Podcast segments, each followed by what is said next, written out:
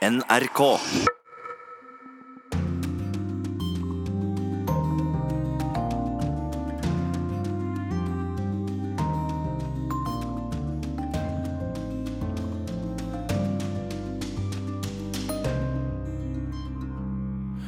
Klokken har passert 11.03. Du lytter på NRK P2 eller Alltid nyheter, og programmet er Urix på lørdag med følgende stikkord. Handelsskip beskyldes for ikke å ta opp båtflyktninger i Middelhavet. Heft og utgifter skal være årsaken. I Mexico-Gulfen forbereder myndighetene seg nå på en ny orkansesong, men forberedelsene er ikke gode nok, sier folk på de kanter. Vi skal snakke om Polisario og hva Støttekomiteen for Vest-Sahara gjorde i Arendal denne uken. Det er 50 år siden Sovjetunionen invaderte Tsjekkoslovakia. Hva er likt, og hva er forskjellig i dag? Amerikanske Hollywood-menn tar selvkritikk etter metoo, mens kvinnene tar ansvar og stiller i rekordtall som kandidater til kongressvalget om tre måneder. Og korrespondentbrevet, det kommer i dag fra Tyrkia. Dette er Urix på lørdag.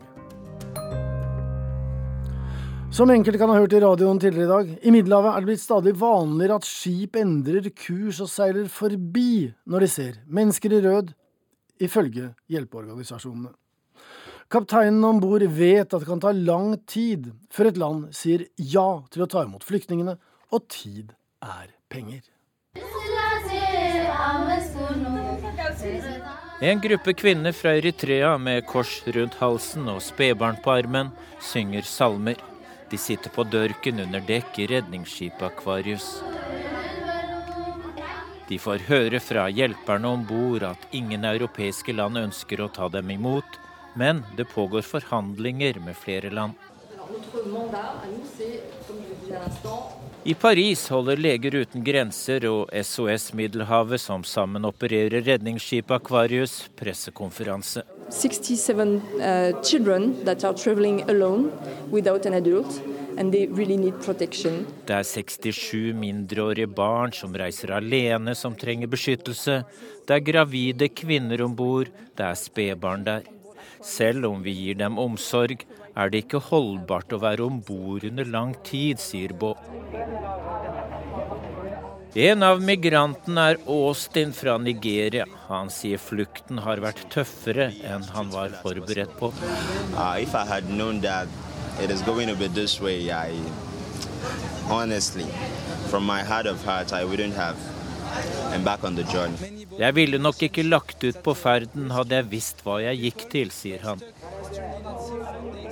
Det er mindre enn to måneder siden det samme redningsskipet var i tilsvarende situasjon.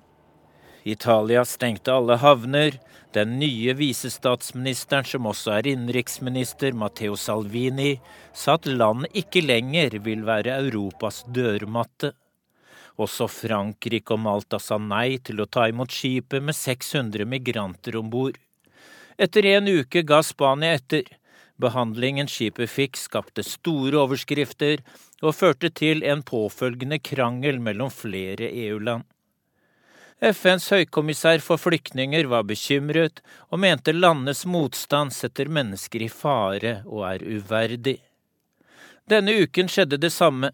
Italia stengte havnene, Frankrike og Spania sa også nei, etter et voldsomt press og løfte om at alle om bord i Akvarius skal sendes videre til andre EU-land, ga Malta etter.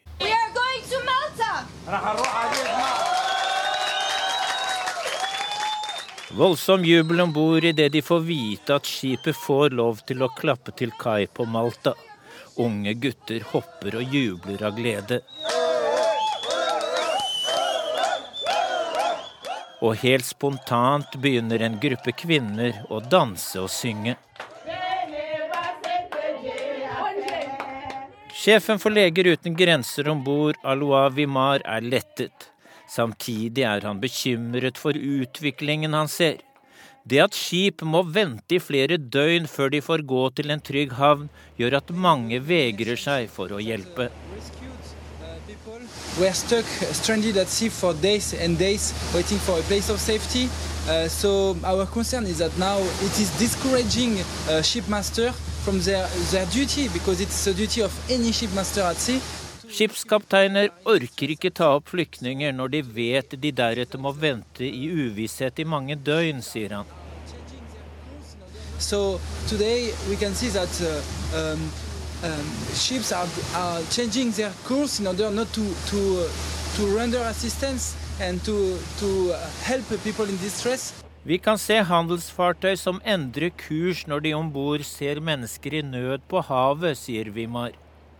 Den internasjonale havretten sier at det er en forpliktelse å hjelpe mennesker som er i fare. Å redde mennesker i nød er et prinsipp som nå settes på spill, mener Vimar i Leger uten grenser. I Paris sier hun som leder SOS Middelhavet at landene i Europa må forplikte seg i henhold til internasjonale avtaler rescue people at sea and then disembark them safely in a port of safety according to the criteria of maritime. Middelhavet er blitt en gravplass. Ifølge FN-organisasjonen for migrasjon har 1500 personer druknet der dette året. 61 500 har kommet over havet i god behold til nå i år. Blant dem er de 141 fra redningsskipet Aquarius, som kom inn til en trygg havn denne uka. Og middelhavsreporter var Dag Bredvei. Tirsdag til uken er det ikke Skal vi se Vi skal til um, orkanmeldinger fra Mexicogolfen med ødeleggelse og tap av liv. Det er en årevis gjenganger i nyhetene. I går begynte den mest intense delen av årets orkansesong, ifølge myndighetene. Problemet nå er at amerikanerne ikke er klare for et nytt dramatisk uvær.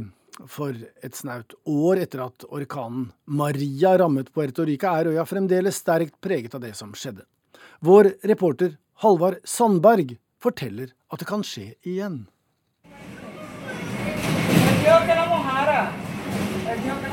Palmas de Mar, Puerto Rico, 20.9. i fjor. Klokken er sju om morgenen lokal tid. En familie har søkt tilflukt i hotellrommet til orkanjegeren Josh Morgeman fra nettstedet iCyclone. Han har dratt hit frivillig for å dokumentere uværet. Yeah, so the wind seems to have changed directions and uh, it's now just blasting these windows and uh, we're all in the bathroom. Det er lyden fra hans kamera vi hører. Orkanen Maria herjer på utsiden. Morgemann og familien som måtte forlate sitt ødelagte hotellrom, oppholder seg på toalettet. Rundt dem er det solide betongvegger.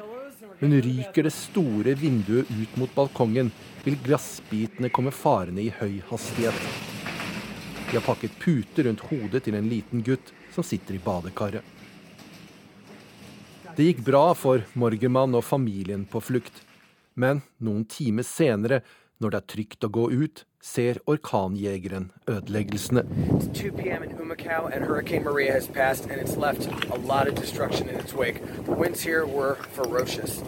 Skadene fra Maria var omfattende over hele Puerto Rico. Orkanen var den mest alvorlige naturkatastrofen i territoriets historie.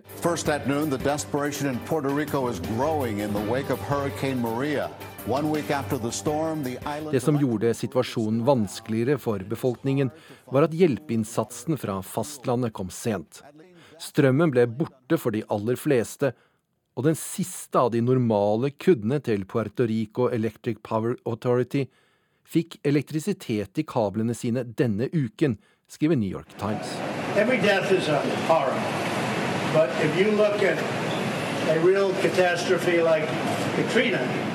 I de første ukene og månedene virket det som øysamfunnet hadde unngått den mest alvorlige konsekvensen av slike katastrofer stort tap av menneskeliv. Thousands. Uh, people, Tallet som ble rapportert inn mot Det hvite hus, var 64 liv revet vekk. Men så kom de første protestmeldingene. Uh,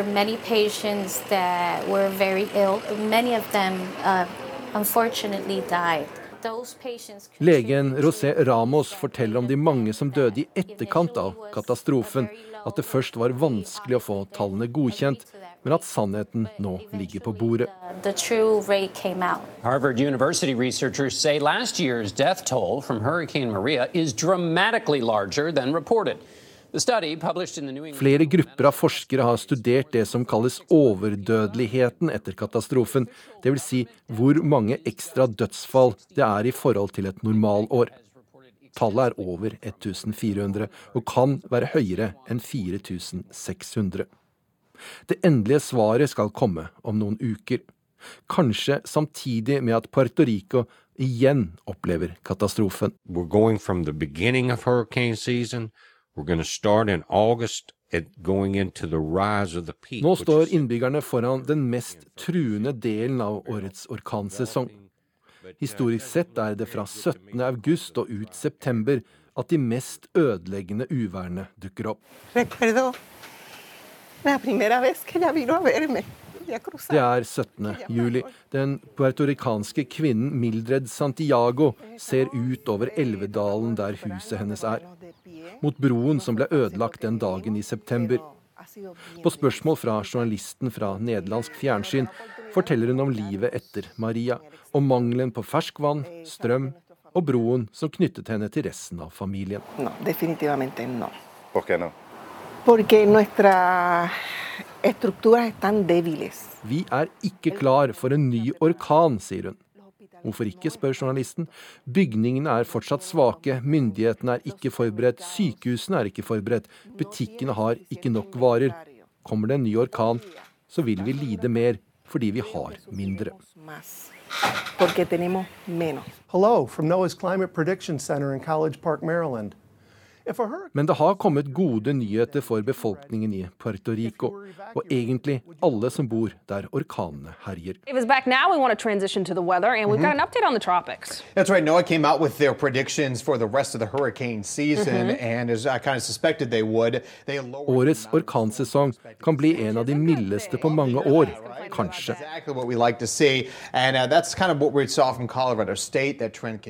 Både profesjonelle meteorologer og hobbyvarslere har snakket om det samme de siste månedene. I mai var de svakt optimistiske. Nå i august har de blitt mer sikre i sin sak. Again, Michael. I saw something that came out on Thursday. There was a, an El Nino alert. Det er flere grunner til den positive utviklingen. Først og fremst at det ligger an til å bli nøytrale eller litt positive El Niño-forhold. El Niño er når det kommer mye varmt overflatevann i Stillehavet utenfor Peru. Det har innvirkning på dannelsen av orkaner i Atlanterhavet. Boy,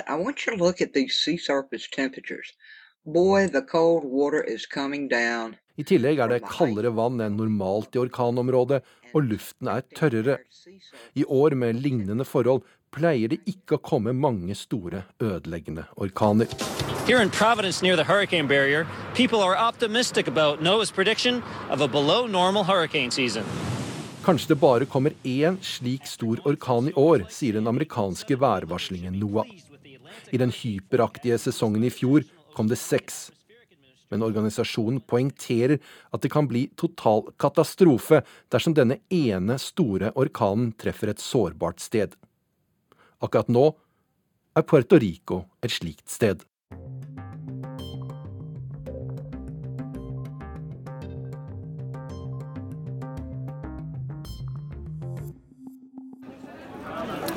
Da har vi forlatt studiet et øyeblikk og tatt et eh, skritt tilbake i tid, til onsdag. Og vi har også forflyttet oss geografisk til Arendal der en rekke politikere, rikssynsere, aktivister, informasjonssjefer, professorer, journalister, lobbyister, posører, strateger og samfunnsdebattanter og aktører rent generelt satte hverandre stevne denne uken.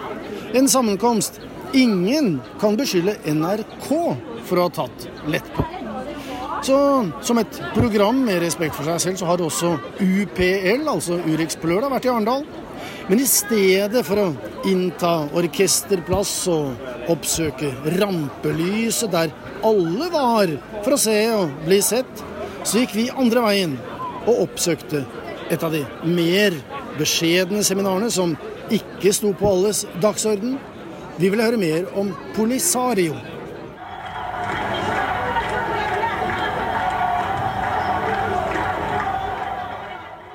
Det vises film i sal 3 på Arendal kino. Den heter 'Tre stjålne kameraer' og viser hvordan folk i Vest-Sahara dokumenterer egne demonstrasjoner mot den marokkanske okkupasjonsmakten, og hvordan representanter for den samme illegale myndigheten slår ned på demonstrantene og tar fra dem kameraene. For ingen, bortsett fra marokkanerne selv, da, skal få anledning til å informere om hva som skjer i Vest-Sahara. Erik Hagen er daglig leder for støttekomiteen for Vest-Sahara. Han forklarer hva solidaritetsarbeidet for befolkningen i den tidligere spanske kolonien består i.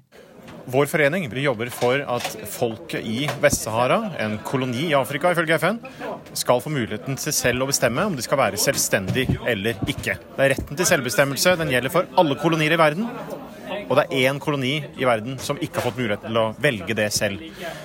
Eh, så det vår forening gjør, er å prøve å få norske politikere, norske medier, til å dekke denne glemte okkupasjonen.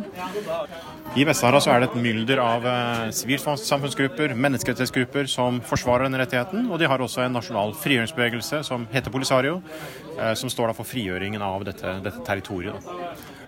Støttekomiteens mål er å være til stede i Arendal for å påvirke opinionen. Det er mer enn 40 år siden Spania trakk seg ut av Vest-Sahara og Marokko okkuperte det de den gang så på som tomrommet, som rettmessig var deres.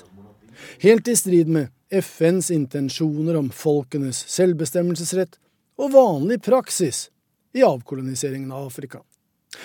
Erik Hagen er slett ikke misfornøyd med norske politikere. Han sier at på Stortinget er det mange som etter hvert kjenner til konflikten i Vest-Sahara, og som vet hva det dreier seg om, og som faktisk også har besøkt kolonien.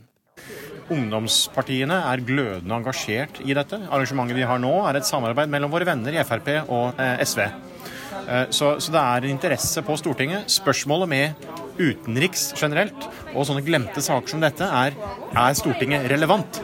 Har Stortinget noe innflytelse over utenrikspolitikken? Det er et generelt spørsmål som eh, som vi ofte dessverre må svare nei på. At uh, utenrikspolitikk styres i stor grad av embetsverket og av UD. Og, og, Stortingets glødende interesse uh, smitter ikke over på det som i, i praksis er utenrikspolitikken vår. Men det er vanskelig å nå frem, medgir den daglige lederen av støttekomiteen for Vest-Sahara. Mediene f.eks. har ikke kapasitet til å behandle mer enn et fåtall konflikter av gangen, hevder han. I Vest-Sahara kjemper de for selvstendighet ved hjelp av diplomater og jurister. De forholder seg til internasjonale lover og regler, traktater og overenskomster.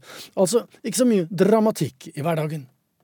Derfor straffer det seg på en måte å følge spillereglene i en verden der mediene setter dagsorden, og ikke minst i og for det politiske Norge, sier Erik Hagen. Mediene klarer bare å konsentrere seg om én-to utenrikssaker om gangen. Og da sier det seg selv det er de mest eh, groteske konfliktene som ofte får mest dekning. Og så klarer man kanskje å kaste et lite blikk på noe annet eh, i tillegg. Og så, så, vår konflikt eh, for, for å si sånn, er, faller mellom alle stoler. Det er alltid noe som brenner mer. Og det gjelder også i UD. Det er alltid noe i norsk, norsk UD eh, hvor, det, hvor, hvor, det, er mer akutt at vi, at vi får noe respons og bistandsmidler og medieoppmerksomhet. Eh, dette her vil alltid falle, falle gjennom. Men det er i grunnen ikke denne seansen for et fåtall sympatisører i kinoen som var det viktigste for støttekomiteen for Polisario i Arendal denne uken. Det som betyr noe, er å være til stede der alle de andre er. For det er ikke slik at man drukner i alt som skjer, sier Erik Hagen. Det å treffe folk i forbifarten, snakke om Polisario og Vest-Sahara et par-tre minutter med politikere og journalister, aktører og aktivister, lærere og andre interesserte, det er det som betyr noe. Derfor er det viktig, også for de små som kanskje ikke synes så godt, å være i Arendal, sier Polisario-venn Erik Hagen. Det er nesten så det meste av eh, det interessante arbeidet finner sted etter ni om kvelden. Uh, ute på kafeene og, og, og, i nabolagene rundt her. Er, man, man, møter folk, og man får, uh, får, får, snakket seg gjennom viktige ting. Så, så, det er det uformelle ved Arendal som er mye viktigere enn det formelle og disse store konferansene hvor du møter journalister og politikere. Det er egentlig ganske uinteressant uh, for ganske mange av oss. Det er, det er gatene som er det viktige.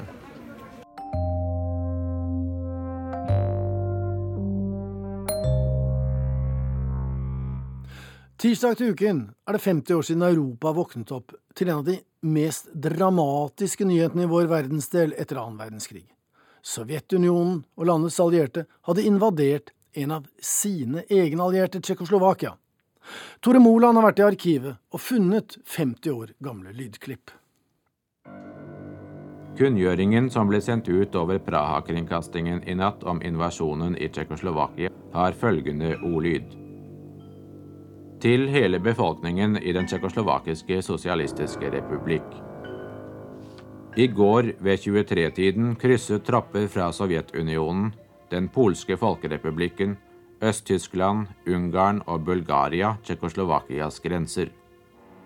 Dette skjedde uten at presidenten, nasjonalforsamlingens formann, statsministeren og førstesekretæren i den tsjekkoslovakiske sentralkomiteen kjente til det.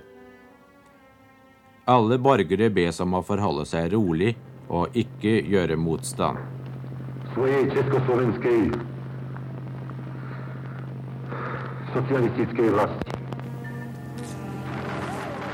Aleksandr Dubček, den nye lederen for Tsjekkoslovakias kommunistparti, hadde starta et liberaliseringsprogram som de sovjetiske lederne i Kreml vakta med stadig større uro.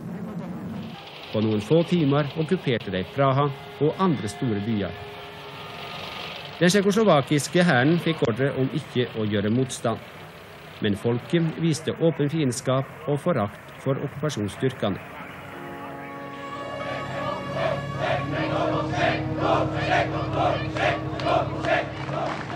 Vi er utenfor den sovjetiske ambassade på Drammensveien. Og det er en anselig mengde mennesker som står samlet her for å støtte opp om Stobsjek og Tsjekkoslovakia. Her har vi en av de som er med i demonstrasjonen. Og hvordan reagerte de når de i morges hørte om eh, det som har skjedd i Tsjekkoslovakia? Ja, jeg må si når jeg slo på radioen og hørte nyheter, så ble jeg sjokkert. For jeg trodde ikke det gikk an å, å kue et folk på den måten i våre dager. Jeg trodde at folk må få sin frihet. Utenriksminister Jon Lyng, hva kommentar har De til meldingene fra Tsjekkoslovakia i dag? Det som er hendt, må jo fortone seg som et tilbakeslag. Et alvorlig tilbakeslag for alle forsøk som er gjort på avspenning mellom øst og vest i Europa. Etter mitt syn så, så viser disse begivenhetene betydningen av vårt medlemskap i Nato. Og det understreker nødvendigheten av et gjensidig samarbeid med de stater vi er i allianse med innen Nato.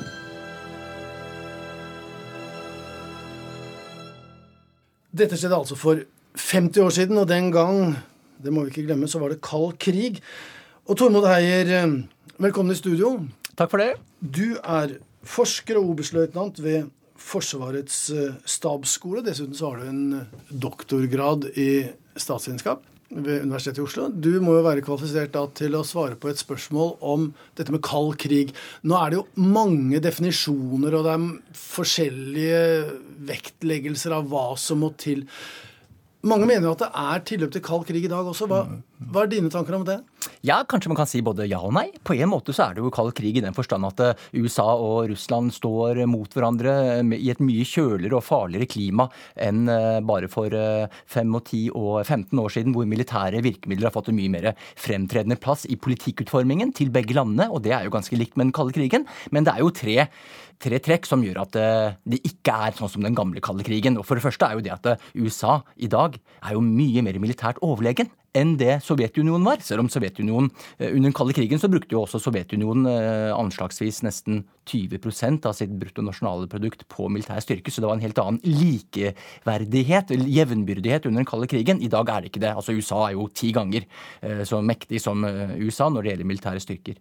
Og for det andre så er det ikke lenger den gjensidige respekten og, eh, for hverandres hva skal vi si, innflytelsessfærer, eh, sånn som det var under den kalde krigen. Eh, Og for det tredje så kan man også si at det, er mye mer økonomisk handel og samkvem over grensene i dag enn det var under den kalde krigen, da det tross alt var ganske to litt lukkede blokker som sto mot hverandre.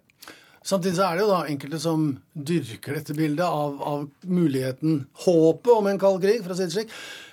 Ikke minst med en hva skal jeg si, mm. nasjonalistisk aggressiv Putin i Kreml, og med en noe uberegnelig og America First-mann i Det hvite hus. Sett nå at historien skulle gjenta seg. Kan man da stole på USA?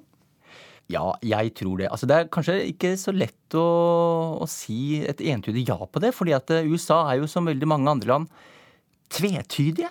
Det er ikke et eh, samla land, det er snarere heller et splittet land, som veldig mange andre land i Europa er i dag. Eh, så på den ene siden så eh, signaliserer jo den amerikanske presidenten tvil om solidariteten, om USA vil komme og hjelpe Norge og andre Nato-allierte i Europa hvis det skulle bli en krise. Men på den annen side, hvis vi ser hvor pengene går, og hvor oppmerksomheten rettes inn, så er jo det spesielt mot eh, Polen og Baltikum og Norge og Nord-Europa generelt etter 2014, da Russland eh, annekterte Krim. Så det er ikke tvil om at det, hvis vi går under den politiske retorikken til Trump, så er det ikke tvil om at amerikanerne tar sine forpliktelser ganske så mye på alvor. Og kanskje har ikke amerikanerne noe annet valg heller. For hvis Russland og Iran eller Kina ser at denne stormakten i vest ikke er troverdig i måten han understøtter sine allierte undersåtter på, så vil kanskje Russland og Kina og, og, Iran begynne å utfordre USA på andre fronter i andre deler av verden, fordi man kan stille tvil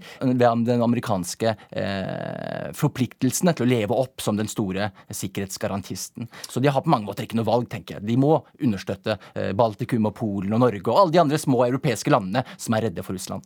Ja, så sier jo da optimistene altså her i Europa sier at men Pentagon og generalene de er til å stole på. De forsikrer at det er business as usual. Men så sier du at den politiske retorikken til Trump Men den politiske retorikken til presidenten kommer jo da faktisk også fra the commander in chief. Sånn at alle disse som er til å stole på, må jo lytte på the commander in chief at the end of the day, som det heter. slik at den usikkerheten man kan ikke være helt trygg? Nei, man kan ikke det. Eh, og det også ligger nedfelt i Natos eh, artikkel 5, som liksom skal være én for alle, alle for én. Den er også i seg selv veldig vagt formulert.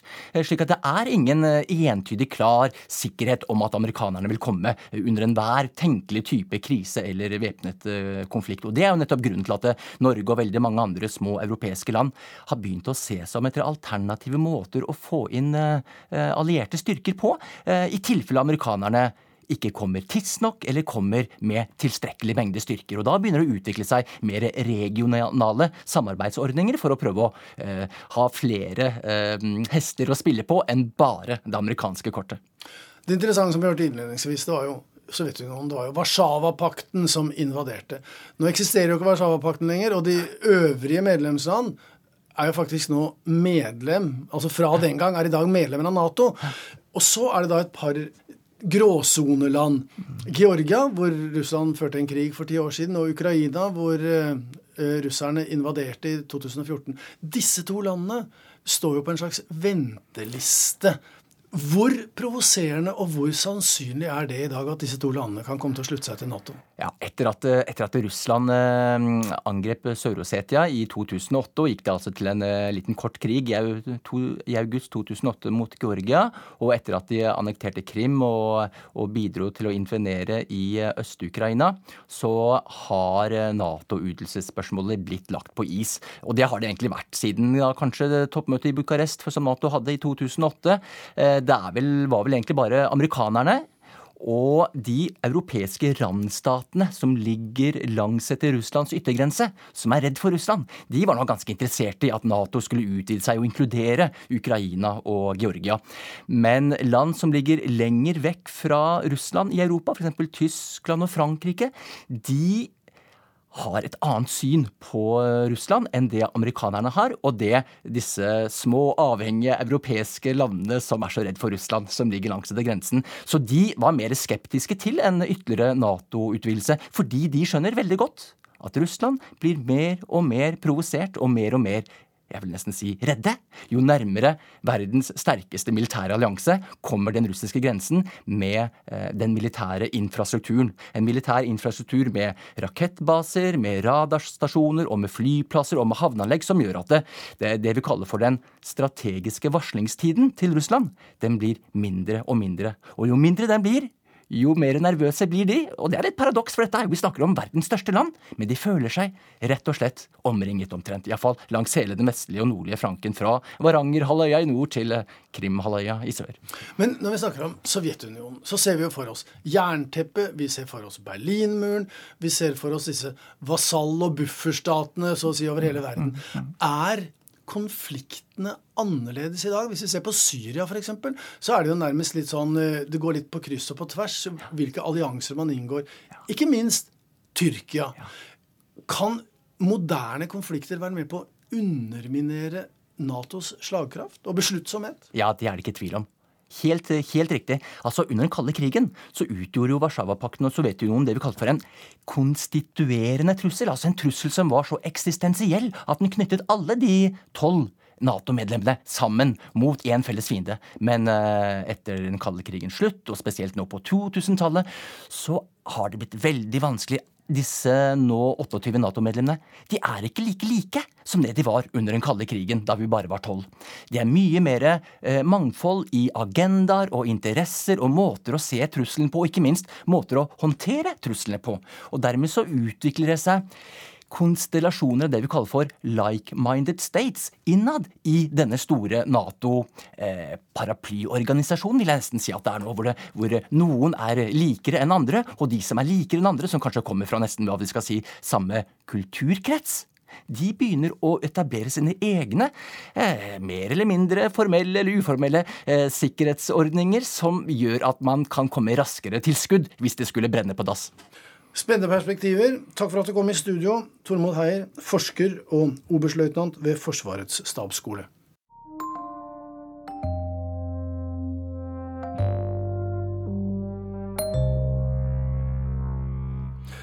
Et år etter at metoo ble et begrep og en bevegelse med utgangspunkt i seksuelle overgrep og trakasseringer i Hollywood, så stiller amerikanske menn i Hollywood seg spørsmålet hva kan vi gjøre for at det ikke skjer igjen? Og En av dem som har kastet seg inn i denne debatten, det er den amerikanske skuespilleren Justin Baldoni, aktuell med nettserien Mann nok.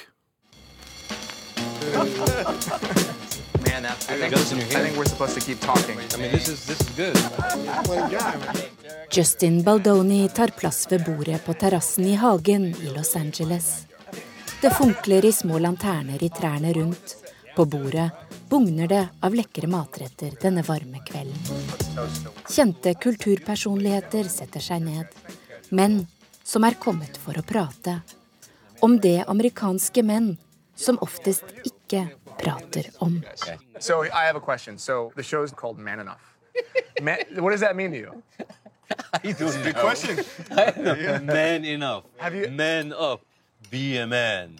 No bullshit. Programmet skal hete Mann nok. Hva betyr det for dere? spør Justin Baldoni gjestene rundt bordet. De humrer og rister på hodet. Mann deg opp, vær en mann. Det er bare tull, svarer en av dem. Stemningen er god, latteren hjertelig. Men snart skal de dele personlige historier som vekker vonde minner. What do you of masculinity are today? Like, what are the things that we're all subconsciously following? Fra deres egne forsøk på å leve opp til samfunnet og foreldrenes forventninger til hva det vil si å være mann i USA. Jeg fikk masse bank på skolen fordi jeg danset, og byttet skole seks ganger på ett år på grunn av det, forteller Emmy-vinner Derek Hugg, som nå reiser USA rundt med sitt forrykende show Justin Baldoni nikker bekreftende. Som skuespiller fikk han på et tidspunkt nok av å spille stereotype menn som ikke ga gjenklang i det han vil være som mann.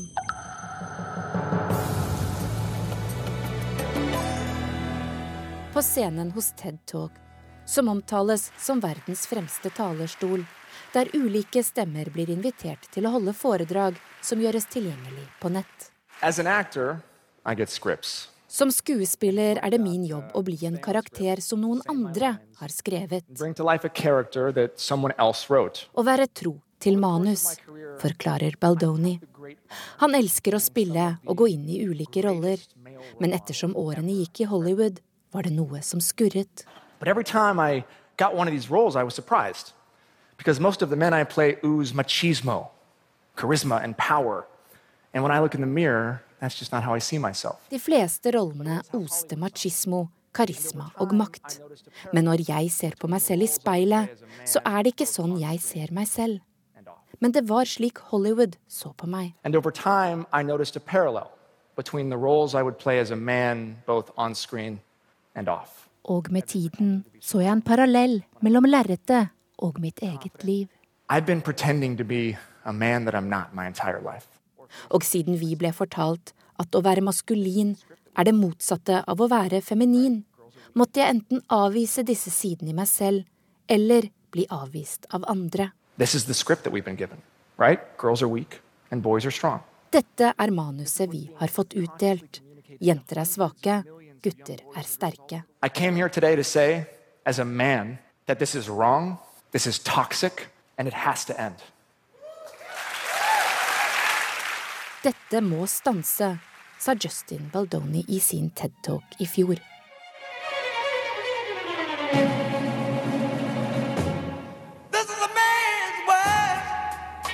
Så eksploderte metoo og hans ønske om å redefinere hva det vil si å være maskulin og mann i dagens USA, fikk en drivkraft uten sidestykke. I sommer kom episoden om hva vi kan lære av metoo når neste generasjon menn skal formes. Nå går den som en farsott på sosiale medier, og siden Man Enough deles hyppig på Facebook. I'm just curious, how do you guys feel as men right now navigating this, uh, this climate, this world? Scared. I'm, I'm a little scared just because um, Metoo har skremt alle rundt bordet. Alle kjenner noen som har krenket kvinner, og de føler at alle har tatt en del i å behandle kvinner på en nedverdigende måte.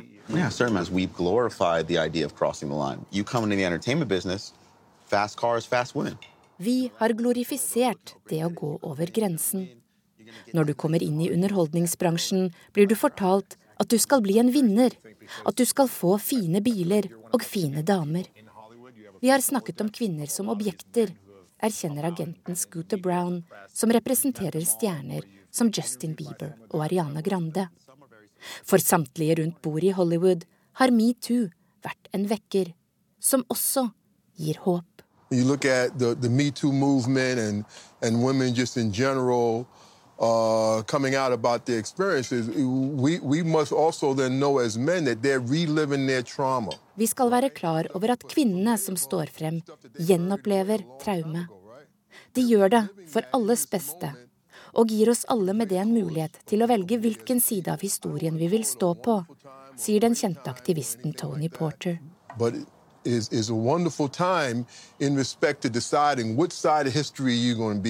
Menn som voldtar og trakasserer, gjør det ikke uten tillatelse fra resten av oss.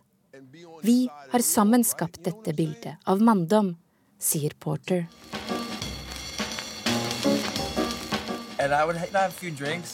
Nå går debatten hett om hvordan amerikanske menn i fremtiden vil redefinere seg hva den amerikanske mann skal være. I kommentarfeltet til Mann nok på Facebook skriver én seer Jeg tror alle nå må finne ut av dette selv. For meg blir første steg å se bort fra alt jeg har lært kulturelt om det å være mann. Deretter, med tålmodighet og ydmykhet, spørre meg selv om hva det vil si å være et godt menneske for så å jobbe med det resten av livet.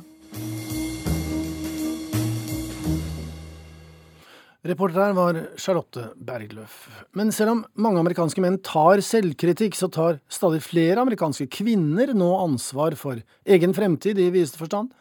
Derfor blir det, ikke minst på grunn av metoo-erfaringene, stadig flere kvinner som stiller til valg.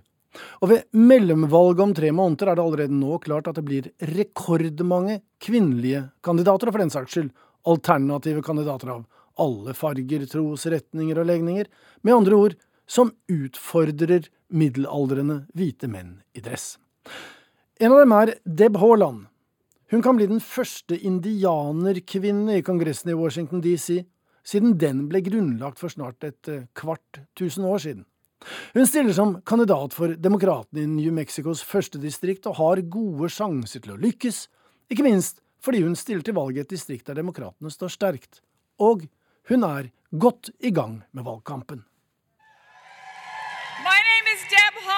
I'm the Democratic nominee for New Mexico's 1st Congressional District. If elected, I'll be the first Native American woman in Congress.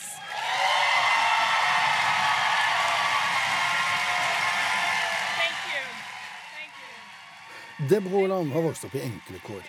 Som alenemor hadde hun dårlig råd og overlevde til tider på matkuponger og dyre forbrukslån. Som urfolkskvinne med en lesbisk datter er hun godt kjent på nederste trinn på den sosiale rangstigen. Så når hun driver valgkamp, husker hun hvor hun kommer fra, og hvem hun skal representere. Alle de som er blitt holdt utenfor, skal med. Slik høres det ut når Deb Haaland driver valgkamp.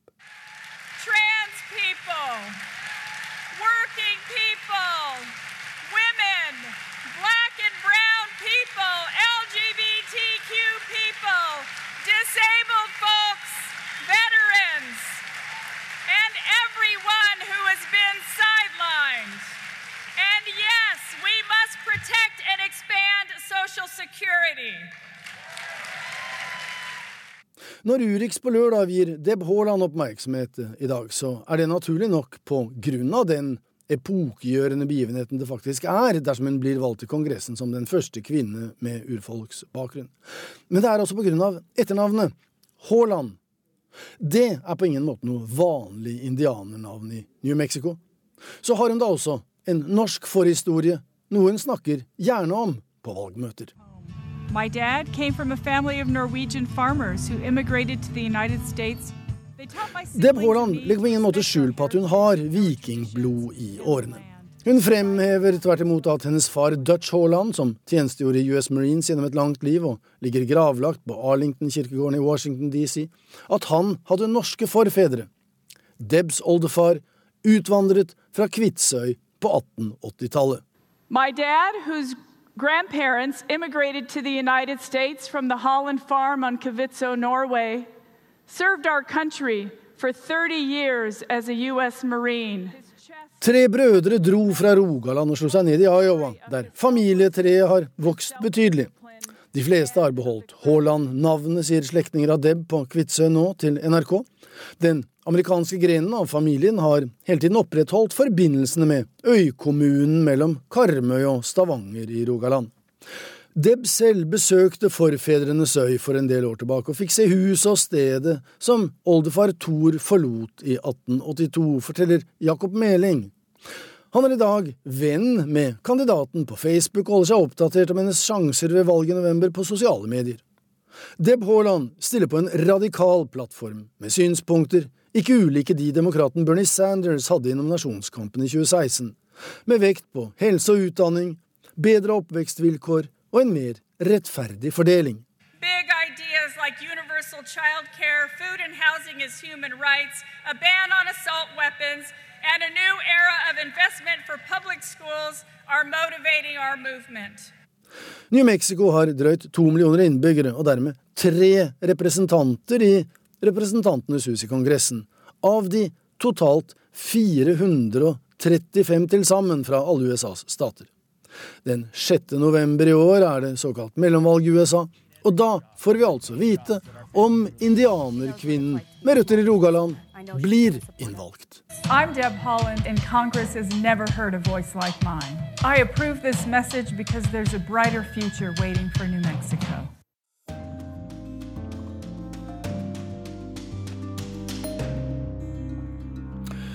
Så tar vi med en melding som akkurat har kommet inn om at FNs tidligere generalsekretær Kofi Annan er død. Den ghanesiske diplomaten var leder for verdensorganisasjonen fra januar 97 til desember 2006. Kofi Annan ble 80 år gammel. Så velkommen til korrespondentbrevet. Det er postlagt i Istanbul, og avsender det er Sissel Wold. Jeg er tysk når vi vinner, men innvandrer når vi taper. Den tysk-tyrkiske fotballstjernen Mesut Özil blåste frustrert ut etter en dårlig sommer. Setningen er blitt uttrykket for hvor vanskelig det kan være å tilhøre to kulturer, og hvor umulig det av og til er å ha hjertet sitt i to land, slik Özil formulerte det. Fotballspilleren som mottok en pris for å være et eksempel på god integrering, hadde gitt opp. Det hele begynte i mai. Da stilte Mesut Özil og to andre tyske toppspillere opp på et bilde med Tyrkias president. Recep Tayyip Erdogan var midt i en intens valgkamp for å bli gjenvalgt som en enda mektigere president, eller autokrat, som tyske medier kaller ham. Nå var presidenten på offisielt besøk i London. Der var også flere tyske fotballspillere med tyrkisk bakgrunn samlet til et veldedighetsarrangement. Og da Erdogan inviterte dem til å ta bilder sammen, sa de ikke nei. Vi kunne ikke si nei, forklarte Øsil. Bildene fant raskt veien til avisene, og dermed brakte det hele løs. Tyske fotballfans, politikere og kommentatorer raste. Hvordan kunne den tyske stjernen stille opp med Tyrkias president? Og det bare én måned før det tyske landslaget skulle forsvare de tyske fargene under fotball-VM i Russland. Øsil fikk mengder av hatmail, trusler på mobilen og rasende og rasistiske kommentarer på sosiale medier, som 'se til helvete og dra tilbake til Anatolia, ditt tyrkersvin', og verre. Mesut Øsil spiller for Arsenal og har spilt på det tyske landslaget i ni år. Han var en viktig spiller da Tyskland vant verdensmesterskapet i Brasil i 2014.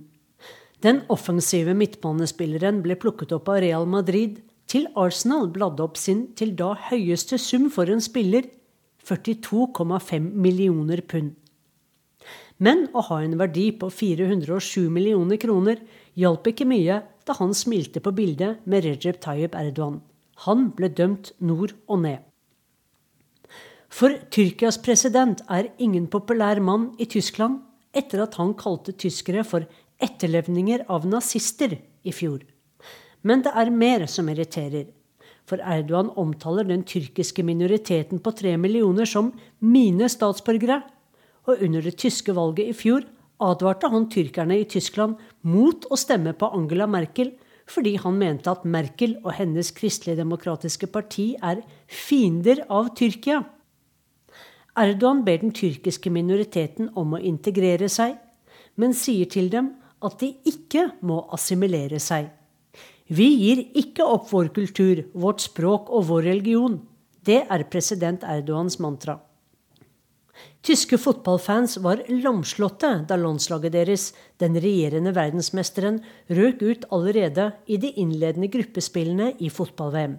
Det hadde aldri skjedd før. Nå fikk Øsil også skylden for Tysklands ydmykende sorti i Russland. 22.07 fikk fotballspilleren nok. Han trakk seg fra det tyske landslaget i protest. Han raste fra seg i et tresiders brev på Twitter. Jeg føler meg uønsket. Alt jeg har oppnådd siden den internasjonale spillerdebuten min i 2009, er glemt. Selv om jeg betaler skatt i Tyskland, gir gaver til tyske skoler og vant fotball-VM i 2014, blir jeg fremdeles ikke akseptert i samfunnet. Bildene vi tok med Erdogan, hadde ikke noe politisk budskap, bedyret han. For meg handlet dette om å vise respekt for lederen i det landet familien min kommer ifra. Sannheten er at om jeg ikke hadde møtt den tyrkiske presidenten, ja, så hadde jeg latt være å respektere mine forfedres røtter, forklarte Øsil. På 1970-tallet brøt besteforeldrene hans opp fra Devrek, et lite sted ved Svartehavskysten nord i Tyrkia. Øsils bestefar dro til Tyskland for å bli gestarbeider, gjestearbeider, da Vest-Tyskland trengte arbeidskraft. Familien Øsil flyttet til Gelsenkirchen, en del av industriområdet i Ror. Der ble Mesut født, i beskjedne kår. Moren lærte ham at han aldri måtte glemme sine tyrkiske røtter. Gjestearbeidere het de, for tanken var nok at tyrkerne skulle dra tilbake til Tyrkia. Men de fleste ble, og nå er tre millioner tyrkere Tysklands største minoritet og Tyrkias største diaspora utenlands. Derfor har Tyrkia og Tyskland et sterkt, men komplisert forhold. Mesut Özil mener at rasismen alltid har vært der, og at bildet med Erdogan ga tyskere et påskudd til å hente den frem. Nå sa folk uten blygsel til ham, ha deg vekk, din tyrkiske dritt. Men jeg vil ikke lenger være syndebukken fordi vi gjorde det dårlig i Russland. Behandlingen jeg har fått fra folk, og også fra fotballtoppene i Tyskland, gjør at jeg ikke lenger ønsker å ta på meg den tyske landslagstrøya, skrev han. Han trakk seg fra landslaget. Her i Istanbul er jeg med i et journalistfellesskap der alle de andre jobber for tyske TV-kanaler. Dagen da Mesut Özil trakk seg, fikk de det travelt, for dette var en svær sak i begge land. Han snakker dårlig tysk og har virkelig aldri integrert seg, sa tyske kolleger. Han er en stjerne, han sto opp mot rasismen, han gjorde det rette, sa tyrkerne jeg spurte da jeg spurte tyrkiske fotballfans på vei til en Besjiktas-kamp om hvor mange generasjoner det tar for en tyrker å bli tysk, skjønte de ikke helt hva jeg mente. Han er tyrker, han kan ikke slutte å være tyrker, sa en av dem. Hvorfor skulle han bli tysk? Selvsagt var det riktig å ta bildet med Erdogan, for Erdogan er Øsils president også, sa en tyrkisk kvinne som var født og oppvokst i Tyskland. Hvordan er det å være tysk-tyrker nå, spurte jeg. Det var aldri vanskelig å være tyrker i Tyskland da jeg vokste opp, fortalte hun. Men da Erdogan kom til makten, endret dette seg. Og nå, hver gang jeg treffer nye folk, er det første de spør om støtter du Erdogan? Om svaret er ja, tar samtalen raskt slutt, sa kvinnen, som hadde på seg hvit og svart Besjiktas-trøye. Når du er her, er du tysk, og når du er der, er du tyrkisk, så det hører ikke til i noen av samfunnene, sukket hun. Men Øsils balansegang var vanskelig også før Erdogan-bildet. For hvorfor sang han ikke nasjonalsangen på banen før kampene, spurte folk. De så at han mumlet noe istedenfor å synge. Jeg ber til Allah, forklarte Øsil. Jeg må tenke på kampen, og da er det viktigere for meg å be enn å synge. Mesut Øsil faster under ramadan og har vært på hajj til Mekka. Han mener at hetsen mot ham skyldes at han er muslim, og en religiøs muslim. Da det franske fotballaget vant VM, sa den sørafrikanske komikeren og programlederen for The Daily Show i USA, Trevor Noah, ja ja, Afrika vant fotball-VM. For nesten alle de franske landslagsspillerne hadde foreldre eller besteforeldre fra afrikanske land. Men Trevor Noah fikk raskt svar fra Frankrikes ambassadør i USA. De fleste er født i Frankrike, de er utdannet i Frankrike, og de har lært å spille fotball i Frankrike. Ved å kalle dem et afrikansk team, så tar du fra dem franskheten deres, skrev ambassadøren i et brev til Noah. Jeg er tysk når vi vinner, men innvandrer når vi taper, tvitret Øzil. Skribent i The Guardian, Afoa Hirsch, skriver at Mesut Özil minner oss om hvorfor minoriteter har mer enn én identitet. Jeg glemmer aldri da Mo Farah, den britiske langdistanseløperen som vant to olympiske gull i 2012, raskt ble til den somaliskfødte Farah da treneren hans ble gransket for bruk av medikamenter, skriver hun. Og Ben Johnson, som holdt verdensrekorden på 100 meter, var canadisk, helt til han ble dømt for doping. Da ble han omtalt som den Jamaica-fødte Johnson. Den franskfødte tennisstjernen Yannick Noah, som en gang så ut til å nå verdenstoppen, ble kamerunsk da den drømmen brast, skriver Hirsch. Etter Øsils oppgjør har flere delt historiene sine. Ali Jan er tyrkisk-kurdisk og tysk. Han startet emneknaggen metoo. Ikke meg også, men meg to, som i tallet to for to kulturer. Under emneknaggen deler folk erfaringer, tanker og meninger på Twitter. Men hvorfor må de franske landslagsspillerne bare være franske? spurte Trevor Noah. Hvorfor kan de ikke være begge deler, både franske og afrikanske? Jeg er bare norsk, og det er enkelt og ganske ukomplisert. Men det er kanskje litt kjedelig også, i en verden som stadig blir mer fargerik og sammensatt. For jeg må innrømme at jeg er litt misunnelig på kolleger og venner som har to kulturer. Hvor flott er det ikke å kunne snakke flytende arabisk, urdu, dari eller tyrkisk i tillegg til norsk? Og hvilken innsikt gir det ikke å kunne tilhøre to kulturer og kjenne to land like godt? Spørsmålet etter denne sommerens opphetede debatt er kanskje hvem som har rett til å definere hvem og hva du er. Sissel Wold, Istanbul. Ja, For ordens skyld, den tyske nasjonalsangen heter ikke lenger eh, Deutschland, Deutschland über alles, som vi kom i skade for å formidle her. Den har altså skiftet navn, selv om det grovt sett er samme sang. Og Dermed er Urix på lørdag ved veis ende for denne gang. Teknisk ansvarlig denne lørdagen det var Hanne Lunås, og produsent var Tom Ingebrigtsen. Jeg heter Joar Hol Larsen.